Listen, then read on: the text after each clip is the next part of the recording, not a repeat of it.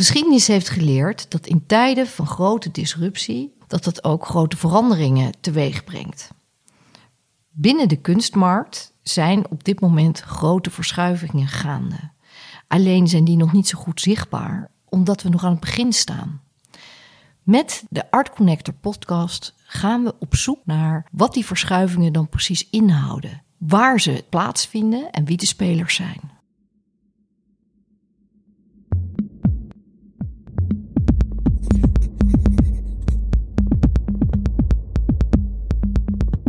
Vandaag is de gast Merel van Helsdingen.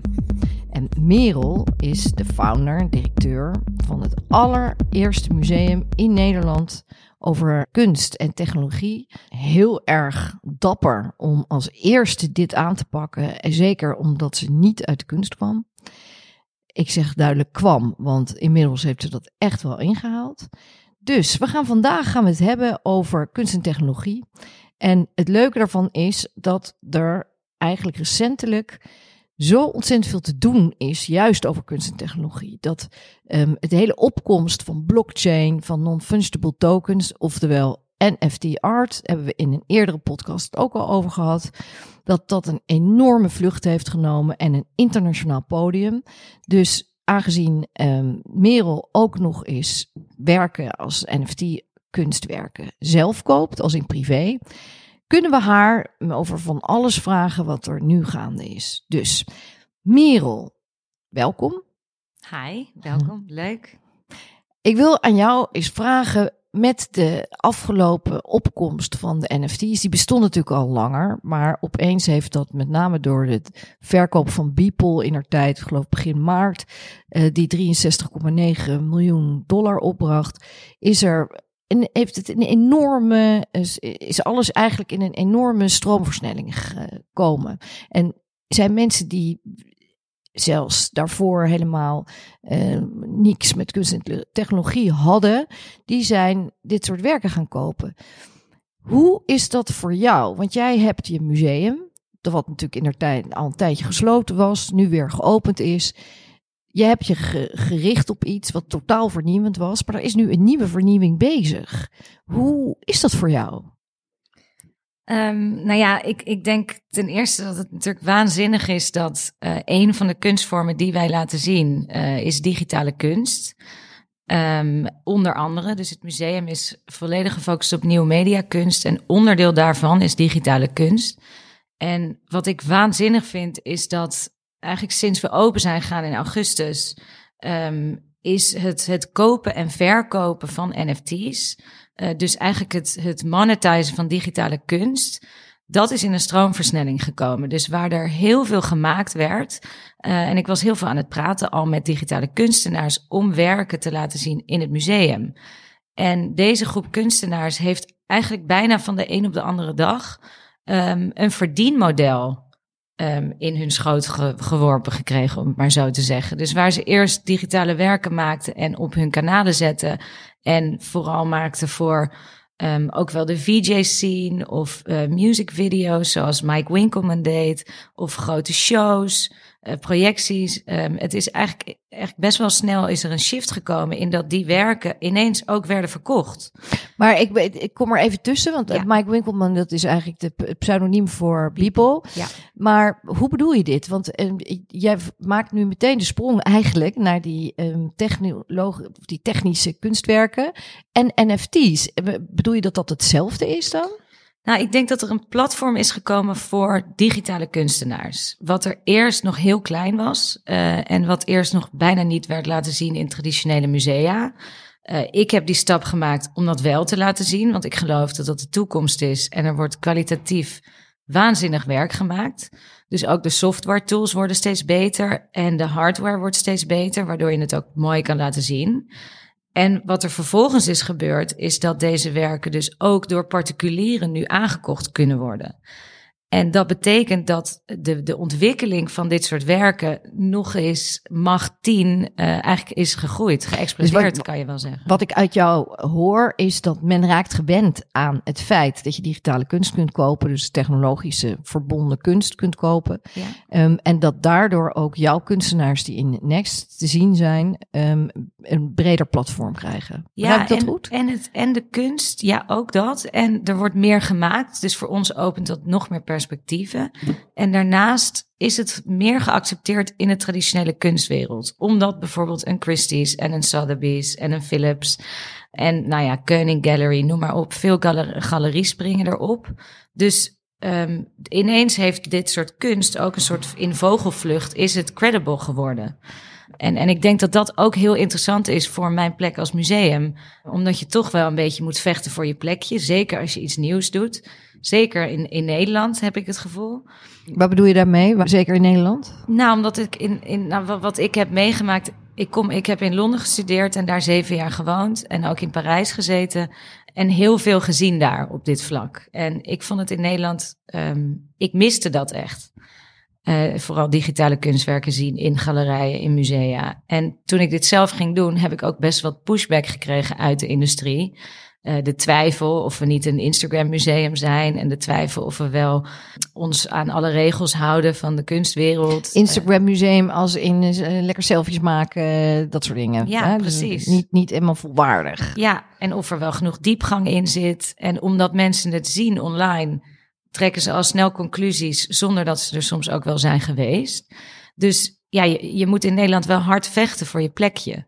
En, en ik denk dat dat gevecht door deze ontwikkeling uh, mij een heel klein beetje een steuntje in de rug geeft. Maar grappig is dat, dat je dat zegt, hè? want um, gebleken is dat, dat heel veel juist in die kunst en technologie Nederlandse kunstenaars voor oplopen. Als we het hebben over de, bijvoorbeeld de post-internetstroming, die, waar wel een galerie voor is, Upstream Gallery, dat mensen als Rafael Roosendaal, Leegte, um, Harm van Dorpel, die dan ook nog eens NFT gerelateerd is.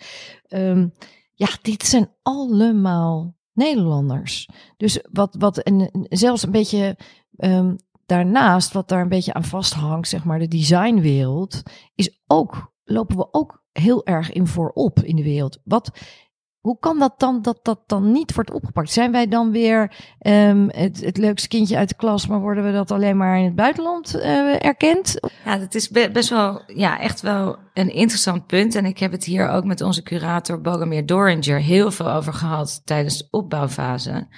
Um, er wordt heel veel gemaakt, maar er is niet echt één plek om het tentoon te stellen. En er zijn ook plekken geweest die het hebben geprobeerd, zoals het uh, NIMK bijvoorbeeld. Maar die heeft het uiteindelijk niet gered. Wat is NIMK? Uh, het Nederland, in, Nederlands Instituut voor Mediakunst. Uh, bijvoorbeeld. En, en uiteindelijk hebben die het niet gered door het tekorten aan subsidie. Die zijn uiteindelijk gemerged. Um, dus ik denk dat, het, dat, dat er ergens een disconnect zit in wat er wordt gemaakt en wat er wordt tentoongesteld. En ik denk dat wat wij hebben geprobeerd te doen is dat gat te vullen door ook met Nederlandse kunstenaars te werken, ook wel met internationale kunstenaars. Um, maar ja, ik vind het ook heel interessant dat er zoveel gemaakt wordt, maar dat je niet op grote schaal um, tentoonstellingen kon vinden. En hoe heb jij dan je keuzes gemaakt? Want je hebt een vaststaande tentoonstelling op dit moment. Dat, dat, dat, hè, dat is nu weer open, gelukkig. En dat, dat loopt een tijdje. Dat heb je heel mooi bij elkaar gebracht. Maar hoe heb je je keuzes daarin gemaakt? Er is natuurlijk best veel. Wat, wat, wat was jouw rode draad, zeg maar? Nou, ik denk ten eerste um, wilden we de focus leggen op nieuwe mediakunst. Dus wat we, we moeten eigenlijk mensen nog een beetje opleiden in wat het betekent. Heel veel mensen weten niet helemaal wat het betekent. Um, wat betekent het? het nieuwe mediakunst is kunst uh, gemaakt uh, door middel van technologie. Om het maar even heel gesimplified te zeggen. En uh, dat betekent, wat, wat er onder nieuw mediakunst valt, is niet alleen digitale kunst, wat sommige mensen denken.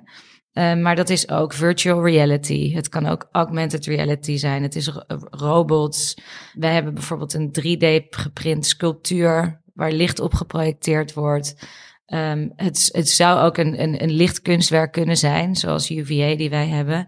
Dus het, het, het, het hele, de hele term nieuwe mediakunst is veel breder. Interactief. Dan ja, vaak interactief. Um, dus wij wilden laten zien wat er allemaal binnen dat spectrum valt, ten eerste. Um, dus we willen verschillende soorten nieuwe mediakunst laten zien. Uh, daarnaast was het voor ons heel belangrijk om naar een thema te werken. En dat thema is shifting proximities. En dat komt heel erg uit de coronatijd, maar ook heel erg door technologische ontwikkeling. Kan je dat vertalen? Ja, dus eigenlijk is het de, de, hoe de afstand tussen mens constant verandert. En de impact van technologie heeft natuurlijk een hele grote rol gespeeld in die afstand, letterlijk en figuurlijk. Um, waar nu je telefoon uh, afgaat op je keukentafel, dan ringt hij op je laptop, op je bureau. En ik weet niet meer waar ik heen moet lopen. Um, maar ook uh, maatschappelijke gebeurtenissen zoals 9-11, waardoor surveillance-industrie veel groter is geworden. Waardoor letterlijk onze proximity constant gemeten wordt en gedocumenteerd wordt. Dus we zijn in eerste instantie gaan kijken naar nieuw mediakunst en vervolgens naar de thematiek. En daar hebben we verschillende werken bijgezocht met een focus op ook wel diversiteit. Dus we hebben gekeken vooral naar vrouwelijke kunstenaars um, in het begin. Um, en ook verschillende landen en verschillende achtergronden, zodat we meerdere perspectieven op de wereld kunnen bieden. En los daarvan, want dat wordt wel eens gezegd, hè, kunst en technologie, dan, dan zie je snel licht, uh, spektakel, uh, dat soort dingen. Um, en, en waar is dan de inhoud? Mm -hmm. wat, is dat ook een focus geweest? Om ook, zeg maar, soms wat politieke statements te doen, of um, tijdsgeestgericht, zeg maar? Ja, ja, 100 procent. Ik denk, uh, we worden soms wel eens vergeleken met Team Lab Borderless. En wat voor mij het hele grote verschil is met een plek als Teamlab, is dat wij met individuele artiesten. Kan je, kan je even zeggen wat Teamlab is? Zo ja, Teamlab Borderless is een, uh, ja, een groot museum. En, uh, ja, in Japan, in Tokio, inmiddels ook in Shanghai. En er komt er een naar Nederland in Utrecht, 2024. Hè? Ja. En Teamlab Borderless is een, een bedrijf waar inmiddels 600 mensen werken. Uh, van designers tot developers tot architecten, lichtspecialisten, et cetera. En wat zij bouwen is één grote technologische uh, doom waar je gevolgd wordt uh, door videobeelden. En het gaat over de natuur. En wat, wat waanzinnig is en technologisch heel erg vooruitstrevend. En wat wij wilden doen is veel meer dat snijvlak opzoeken tussen traditionele museumervaring en een teamlab ervaring. Waar we wel de technologie van de toekomst laten zien, uh, waar we praten over onderwerpen van de toekomst met behulp van technologie, maar wel een podium geven aan kunstenaars en juist ook de diepgang willen leren. Dus wij geven voor elk kunstwerk aan wat is het verhaal achter het werk, wat is de betekenis, wat wil de kunstenaar jou leren um, en wie is de kunstenaar ook. Want dat vind ik ook iets wat volledig ontbreekt bij Teamlab, want het is een merk. En bij ons willen we juist meer een podium bieden. Dus ik, ik denk dat we daar echt een beetje dat snijvlak op hebben gezocht. Dus dat betekent dat je dit, deze, dit onderwerp, deze rode draad, zeg maar, die wil je ook doorzetten. Want ik kan me voorstellen dat je op een gegeven moment weer naar een volgende tentoonstelling wil. En um, komt er dan ook een, um, ja, ga je dan door in die technologie, in, in, in waar we nu zitten, zeg maar de NFT's en de blockchain en... en, en de metaverse. Ja. Uh, ja, absoluut. Dus de, de visie van Next Museum, en dat zegt het ook al wel in de, in de, in de naam Next, is constant ontdekken, onderzoeken, bespreken en laten zien wat de toekomst ons gaat brengen. Zowel positief als negatief. En we willen mensen door het gebruik van technologie bewust maken over die bepaalde technologie bijvoorbeeld. Dus, en dat zullen we altijd blijven doen. Dus waar we nu bijvoorbeeld het hebben over surveillance en over climate change, kunnen we in de volgende tentoonstelling het misschien hebben over gamen, over NFT's, over de metaverse. En eh, de, de plek die we hebben is een, een grote zwarte doos eigenlijk. Met heel veel krachtstroom. En uh, ja, de, de, op de, de mogelijkheid om hardware op te hangen, neer te zetten, aan te sluiten. En wat ik denk dat constant verandert, is welke hardware is er beschikbaar en wat voor nieuwe werken worden er gemaakt met het gebruik van nieuwe technologie. Maar het zal wel altijd een, bijvoorbeeld een fysieke ervaring blijven die gaat over de toekomst. Dus de inhoud verandert, maar de box blijft hetzelfde. Nou ben je dus ook, als ik het zo hoor, ben jij gewoon ook het kenniscentrum. Daar waar kunst en technologie samenkomen. Dus ik kan me voorstellen dat ik ben bij jou geweest en ik uh, merk ook dat je meer dat, dat je ook de kennis daarover, dat wat wereldwijd speelt, wil delen. En ehm, ook door corona heeft dat natuurlijk even stilgestaan. Maar ik kan me zo voorstellen dat je dat weer oppakt. Is Ja. dat zo? Ja, zeker. Dus we hebben eh, Next Lab, dus het, het, het, eh, de, de plek voor onderzoek en educatie opgezet. In een ruimte boven, maar ook in de online wereld. Ehm, en we, hebben, we laten daar nu bijvoorbeeld een documentaire zien over de impact van face recognition software op eh, verschillende huidskleuren. En ook wel verschillende gender. Ehm, en we laten eigenlijk zien hoe bijvoorbeeld in Amerika eh, je door middel van de software opgepakt kan worden op straat als je een donkerdere huid hebt, maar helemaal niet de dader bent. Dus hoe inaccuraat het is, omdat het alleen maar is getest op blanke mannen. Dus wij laten dit zien door eh, Joy Boulouamini. eh, een hele gave documentaire die nu inmiddels ook op Netflix te zien is. En dit is één onderwerp. Maar het volgende onderwerp kan waarschijnlijk gaan over ehm, NFT's waarschijnlijk. Waar we mensen willen ehm eh educaten. Dus we willen mensen leren over hoe collect je, waar moet je op letten, wat voor platformen zijn er, hoe maak je je, je, meta, je, je crypto purse aan. Ehm, terwijl we ook laten zien, ja, wat voor soort werken worden er gemaakt en wat betekent het. Dus ja, we willen zeker een kenniscentrum zijn. En ook deze zomer doen we met Samsung bijvoorbeeld een eh, educatief programma voor youngsters. Dus mensen tussen de 16 en 24. En die kunnen dan gratis bij ons leren hoe je ehm, augmented reality maakt. Dus facefilters. eh en ook hoe je creative coding doet. Creative coding is. Ja, dus eigenlijk leer je hoe je eh, een, een, bijvoorbeeld een game ontwikkelt of een hele mooie NFT maakt. Daar even over door. Over dat verkopen gesproken. NFT art is natuurlijk heel erg, het is ook nog wel een beetje money driven, maar daar gaan we het misschien straks nog even over hebben. Maar ehm, nou, dat wordt aangekocht en, en, en verkocht.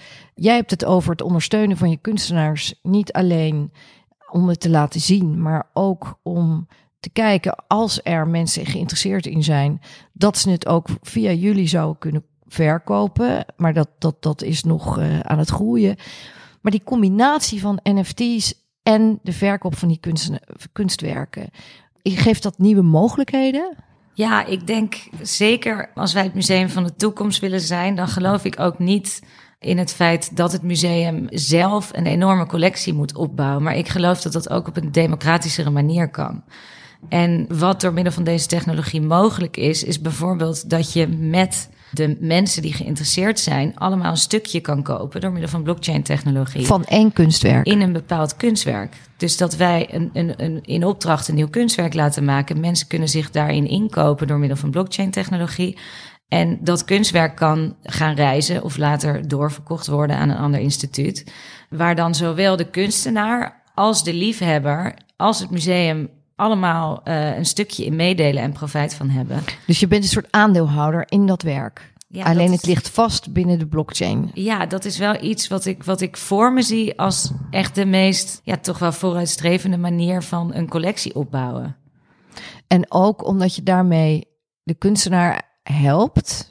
Kan ik me voorstellen? Ja, je helpt de kunstenaar. En ik denk ook dat je een, een, een nieuw soort ja, je noemt het dan soms een, een patron circle bijvoorbeeld. En ik denk dat je een heel nieuw soort lief, een groep aan liefhebbers opbouwt om je heen, die nog veel meer betrokken zijn bij de kunst. Want je bent echt letterlijk onderdeel daarvan en je hebt er een stukje van. En, en dat is, ja, ik vind, weet je, vroeger had je dan misschien een, een, een vleugel in een museum als je een heel groot bedrijf bent of je, je hebt enorm veel vermogen. Maar wat ik zou willen doen is ook mensen die misschien niet heel veel vermogen hebben, maar wel een enorme liefde voor kunst en technologie, dat die er ook onderdeel van kunnen zijn. En, en dat zijn wel vaak je, ja, de echte pioniers en mensen die, uh, die echt, ja, echt grote liefhebbers van deze kunst en mee willen gaan in de toekomst. Ja, ik, ik begrijp dat, je dit nog, uh, dat dit nog in ontwikkeling is. Lijkt me best ingewikkeld. Lijkt mij ook een heel mooi doel. Want wat ik begrijp is dat ooit die NFT-art ook begonnen is om de hele kunstmarkt meer transparant te maken, meer democratisch en eerlijker te verdelen. Dus heel goed als dat dan voor zeg maar museale instituten gebruikt kan worden. Maar het wordt nu, gaan we met die NFT's natuurlijk ook nog alle kanten op. En is het ook een money-driven markt? Nu koop jij zelf voor jezelf ook NFT's. Um, ben je het daarmee eens? Voel je dat? Ja, iemand omschreef het als het Wilde Westen vorige week. En dat vond ik eigenlijk wel een hele goede vergelijking. Um, ja, er, er gebeurt gewoon heel veel. Er is heel veel FOMO. Er wordt heel veel geld verdiend. En dat wordt ook openlijk gedeeld op Twitter. Um, wat, Daar ben je dan trots op? Ja, nou ja, dat, dat, bijvoorbeeld ook wel kunstenaars en platformen die dan die prijzen zo uh, de, de, lucht in slingeren op, op, social media. Wat natuurlijk vroeger helemaal niet zo gebeurde. Dus aan de ene kant heel erg money driven, maar aan de andere kant, um, wat ik wel weer gaaf vind, is dat er nog geen grenzen zijn. En omdat er geen grenzen zijn, ontwikkelt, ontwikkelt het zich heel snel en is er heel veel mogelijk. En zodra die grenzen er allemaal zijn, dan gaan we weer terug naar de traditionele kunstwereld. Waar ook wel heel veel haken en ogen aan zitten. Waar bijvoorbeeld het vaak niet toegankelijk is voor kopers die niet een groot vermogen hebben en geen netwerk hebben en niet alle galleries kennen. Um, en hetzelfde geldt voor makers. Makers uit ontwikkelingslanden of mensen die niet kunnen reizen per se. Of, of kunstenaars die ook niet hun netwerk hebben en niet toegelaten zijn bij een grote academie die kunnen nu wel hun werk laten zien en verkopen. Dus ja, ik, ik hou best wel van dat Wilde Westen. En, en ik denk dat dat ook moet gebeuren. Um, om uiteindelijk het misschien iets meer te reguleren. Uh, maar dit is wel de mooiste tijd om, om te leren en te kijken wat er gebeurt. Maar het is een jungle out there. En het is natuurlijk dan ook voor de leek best wel lastig om door die jungle je, je, je pad te weten. Want wat moet je aankopen? En hoe kan je nou het kaf van het koren scheiden op het moment dat er nog sprake is van chaos? Ja, ik, um, ik heb op een gegeven moment een, uh, een talk gevolgd van Whale Shark. Dat is het pseudoniem van een van de grotere verzamelaars uit Singapore. En die heeft een hele matrix voor zichzelf uh, opgesteld. Over wat wel en niet te kopen en hoe te kopen. En er waren een aantal dingen die ik wel heel interessant vond daaruit. Eén is best gelinkt aan toch wel de, de traditionele manier van kopen. Wat ik van jou heb geleerd, Janet. uh, is dat je toch wel kijkt naar uh, het, het, het oeuvre. Dus wat heeft deze kunstenaar gemaakt? En is dat allemaal uh, in eenzelfde lijn of van eenzelfde kwaliteit? Uh, of zit daar toch wel een, een verhaal of iets kenmerkends in? Uh, dat vindt hij heel belangrijk. Wat ik heel grappig vond, is dat hij kijkt naar het aantal Instagram-volgers. Dat is toch wel een haat-liefde verhouding in de kunstwereld. Want aan de ene kant is Instagram natuurlijk commercieel, maar aan de andere kant is Instagram wel het platform voor kunstenaars om zichzelf in de wereld te laten zien. En wordt er ook heel veel naar gekeken en heel veel gebruik van gemaakt door instituten. Um, dus het is echt wel maat waarmee gemeten wordt. Ja, nou ja, en dan het, het derde waar hij naar kijkt, is toch heel erg de kwaliteit. En dat, dat, dat kan niet iedereen zien. Maar soms zie je een animatie die, die voor de kenner overduidelijk gemaakt is met een bestaand computerprogramma. Wat je eigenlijk in een, in een paar uur zo van de plank trekt, om het maar zo te zeggen.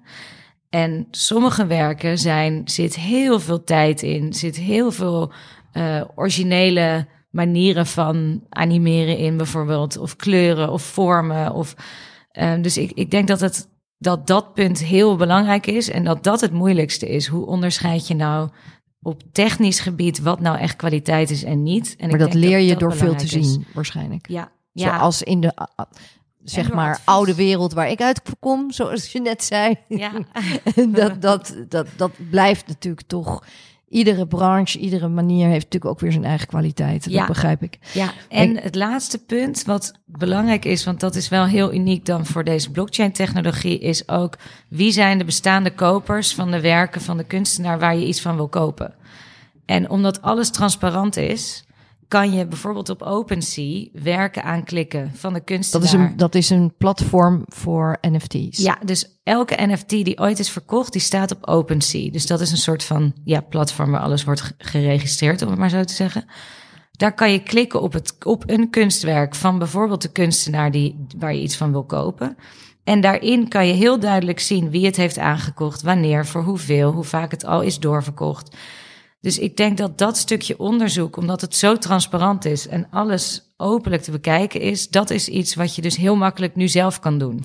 Dus wij, als een, een, een, die er net inkomen, zeg maar, hè, dus helemaal bleu en blanco, noem maar op, die moeten naar OpenSea En dan gaan we ons onderzoek doen. En dan kan je meteen dus ook zien van oké, nou dit is gaan groeien, dit minder. Is Ja. het zo? Ja, je kan Ja. gewoon je eigen onderzoek daar doen. Nou heb ik nog een vraag daarover. Ik heb ehm, vorige week twee, mijn eerste twee NFT's gekocht. En dat vind ik natuurlijk ongelooflijk spannend. Ehm, van, van, van Harmen van den Dorpel. Ehm, nou heb ik een vraagje. Hoe ga ik daarmee om? Hoe blijf ik op de hoogte wat bijvoorbeeld de prijsstijgingen zijn of waar dit staat binnen zijn oeuvre? Ik begrijp wel dat ik naar zijn website kan gaan, maar ik snap niet zo goed. Ik, ik, ik snap niet zo goed hoe ik mijn hem kan blijven volgen en hoe ik kan zien, bijvoorbeeld, want dit is een werk wat verandert, hè, is een generated eh, artwork, dus het, het verandert gedurende de tijd. En dat kan ik wel elke keer checken op mijn telefoon, maar dat, dat en ik kan het ook wel ophangen misschien op een schermpje, maar de- wat, wat, wat doe jij daarmee? Hoe, hoe ga jij daarmee om? Nou, ik denk de belangrijkste vraag is: koop je het omdat je het mooi vindt en je wil het houden, of koop je het omdat je het wil verkopen? En ik denk dat wat je koopt om te verkopen, eh, daar gaat natuurlijk tijd en onderzoek in zitten. Dus ehm, één werk kijk ik constant op eh, bijvoorbeeld het platform Nifty Gateway, waar ik het op heb gekocht. Eh, kan je constant zien wat is de average selling price en wat is de last sale. Ehm, en, en als je daar goed op let, ehm, als, als die op een gegeven moment wordt verkocht voor 10.000 euro en jij hebt hem gekocht voor 1000 eh, en daarvoor zat het heet het lager, dan weet je dat dit wel een moment is dat hij populair wordt. Ehm, en dus je moet het zelf in de gaten houden. Je moet zelf gaan kijken, je moet zelf op je platform. eh, wat je ook kan doen is hem te koop aanbieden. En dan kan jij alsnog eh, uiteindelijk ja of nee zeggen op de biedingen die je krijgt. Maar dan zet je hem wel alvast op de marketplace. Dus dan doen anderen het voor jou. Die gaan zoeken naar het werk en die gaan bij jou biedingen. Eh, En die krijg je in je inbox. En dan kan je ja of nee op zeggen. Precies, daar kan je ja of nee op zeggen. Of je, wat je ook kan doen is zeggen, ik wil hier zoveel geld voor, minimaal. En dan zet je hem erop. En als iemand dat biedt, dan is hij weg. Dus je hebt verschillende manieren van het werk te koop zetten. Ehm, maar wat, wat, wat, wat er niet is nog, is één platform waar je al je werken bijvoorbeeld in de gaten kan houden, eh, die je op verschillende platformen koopt. Eh, dus, dus ik ga echt naar mijn Makerspace account, naar Nifty Gateway, ehm, naar Foundation, eh, naar Superware, et cetera, om het in de gaten te houden. En kunstenaars droppen ook werken op verschillende platformen. Dus, dus ja, Om ze te volgen moet je ook echt op de hoogte zijn. ja, het kost heel veel tijd en heel veel energie. Heel veel Clubhouse, heel veel Discord. eh, en Wil je er echt, echt Ja. wezenlijk in begeven? ja, Luister, dan heb ik een, ehm, een, een vraag die heel wezenlijk is. ehm, van degene die bij ons altijd. We hebben altijd iemand die uit de kunstwereld die een vraag stelt.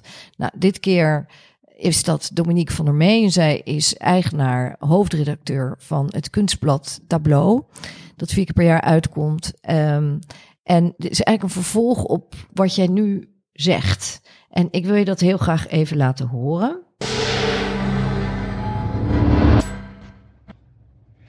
Merel, je bent verzamelaar en pionier met Next Museum. Door kunst en technologie een platform te geven, maken jullie nieuwe vormen van kunst toegankelijk. Zie je hierdoor dan ook een nieuwe groep kunstliefhebbers en kopers in Nederland ontstaan? Kijk, waarom ik dat, waarom ik, wat ik daarmee bedoelde, waarom het hier vervolg heel duidelijk op is, is hoe jij zegt dat je je onderzoek doet. Dan, dan moet je ook thuis zijn in die hele technologie en in die crypto-wereld. Want dat is het natuurlijk toch. En dat hangt heel erg bij jongeren. eh, op het moment. Maar ik zie ook waar ik vorige week twee, mijn eerste twee NFT's kocht. Nou, dat heeft Dominique heeft er ook een gekocht, noem maar, eh, om maar zin te noemen. Dus ook de oude wereld gaat zich er steeds meer, meer in begeven. Maar vandaar is, is die vraag van Dominique natuurlijk heel relevant. Gaat, geldt dit? Zie jij een nieuwe groep opkomen? Ja, 100 procent. wat we zien als bezoekers fysiek in het museum, eh, is 40 procent van mijn bezoekers zijn ofwel studenten of jeugd. Dus tot en met 16. Ehm, en dat is, dat is twee keer zoveel als dat wij hadden verwacht eh, bij aanvang. En daaraan zie je dus ook dat het echt wel heel erg eh, jonge doelgroep aanspreekt. En dat, dat is logisch, want die zijn natuurlijk de hele dag bezig met hun mobiel en hun laptop en schermen. En die zitten echt in die technologische wereld. Maar wat ik ook interessant vind, um, wat we hebben gezien, is dat um, ja, digitale kunst en nieuw media kunst heeft best zijn wortels in de festivalwereld. Dus het werd nog niet echt geaccepteerd in de traditionele museumwereld. Maar heel veel mensen, ook wel Nederlandse kunstenaars zoals Helene Blanke, die heeft afgestudeerd Rietveld, die is ook begonnen als VJ bijvoorbeeld. Uh, dus de festivals zoals Today's Art, Sonar Plus D, Mutek, die lieten weekendenlang of een week lang digitale werken zien. En die kunstwerken hebben wij nu een permanente plek gegeven. En wat je merkt is dat toch wel de music scene heel erg uh, op dit museum afkomt.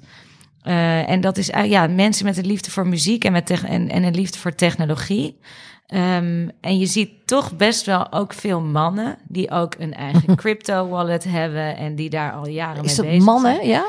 Ja, toch wel jonge mannen die... die, die, die maar waarom liefde... mannen? Waar, waar, jij bent een vrouw, ik ben een vrouw. Waar, wat is daar dan weer mee? Ja, ik, ik denk toch dat, zeker als het gaat om, om technologie en NFT's... dat daar mannen een, een toch ergens een grotere voorliefde voor hebben. En, en ik zie het veranderen. Of zijn het daredevils? ja, nee, ik zie het wel veranderen. En we willen het liefst zoveel mogelijk vrouwelijke kunstenaars ook in het museum hebben. Maar je merkt toch als het aankomt op het ontwikkelen van een werk, het developen van een werk, dat er toch altijd weer mannen zijn om ofwel te helpen met de installatie of het programmeren of het aansluiten, et cetera. Maar wat we merken is dat die muziekgroep um, heel erg en de techgroep heel erg naar het museum trekt. En dat zijn, uh, dat zijn ook wel de kopers. Dus dat zijn mensen die wel zowel verkopen als kopen. Dus je ziet ook wel dat veel DJ's nu NFT's beginnen te verkopen. Uh, en die ja, echt wel grote interesse altijd al hebben gehad in deze technische wereld. Ook door de setting op festivals en de, en, en de interactie met audiovisuele kunstwerken in hun stage design of tijdens hun optredens. Ja, want ik, ik, wat, wat me ook opvalt, um, bijvoorbeeld jij, hè, jij komt niet uit de kunstwereld en ik zie dat er een enorme um, samengang komt, dat, dat het niet meer zoveel uitmaakt waar je vandaan komt. Um, jij was, je had een bezoek net, om maar eens even een voorbeeld te noemen. Um, nou, vul jij maar zelf aan. Je, ja, nee, wat vertelde ik heel... me het net. ja, nee, ik had um, een afspraak met Don, uh, die ook wel bekend is als Don Diablo, uh, zijn DJ-naam. Um, en hij is um, ook in de wereld van NFT's gedoken, om het maar zo te zeggen. En hij, hij is al veel langere tijd bezig met technologie, al jaren. Ook bij zijn shows en, en ook thuis. Ik heb een waanzinnige hologram staat in de zitkamer. Um, en hij noemt zichzelf ook een futurist. Dus hij is al jaren bezig met technologische ontwikkeling. En wat er nu gebeurt, waarin eigenlijk kunst, uh, muziek, technologie allemaal samenkomen. Uh, en wat ook bij Next allemaal samenkomt. Uh, dat is gewoon een wereld waar veel meer disciplines um, zich in thuis voelen en, en daar onderdeel van uitmaken. En elkaar vinden. Ja, het is niet meer alleen maar één kunstenaar, één fotograaf of een schilder. Of, uh, het is veel meer een multidisciplinaire samenwerking. Uh, ook in het, in het creëren van de werken in het museum, maar ook in het creëren van de NFT's vaak. Uh, dus ik vind het heel interessant om al die verschillende krachten te zien samenkomen. En juist daardoor misschien nog wel verder de toekomst in te, in te springen. Omdat je verschillende manieren van denken en perspectieven samenbrengt. Nou ja, dit is dus ook eigenlijk een heel duidelijk antwoord op de vraag van Dominique. Dat door ook die verschillende disciplines, dat er ook niet meer een soort elitaire uh, um, gevoel blijft rondom de kunstwereld. Hè? Dat, dat, dat dat eigenlijk veel ja. groter wordt. Ja. Dat het gaat om een soort vorm van creatief denken waar technologie het midden in vormt. Zeg ja, dat nee, ik, dit, dit vind ik echt perfect uitgelegd. En dit is ook, ja. We hebben bijvoorbeeld één kunstenaar, Roelof Knol, die is een developer. En die werkt samen met een sounddesigner en onze curator om een werk te maken. Um, en die, die is niet naar de kunstacademie geweest. Ja. Maar die, ja, Nou goed, de democratisering van de kunstwereld, dat um, vindt nu plaats, als ik het zo mag zeggen, in Next. Dus ik wou het hierbij afronden en ik denk voor de mensen die luisteren, ga vooral naar Next in uh, Noord en in, in Amsterdam-Noord. En um, ik denk dat we dit we zijn, dit onderwerp is nog lang niet klaar. En we gaan zeker jou weer uitnodigen over een tijdje om te zien waar alle ontwikkelingen naartoe zijn gegaan. En ook om te kijken waar jij dan staat met jouw museum. Dankjewel Merel en heel erg veel succes. Dankjewel.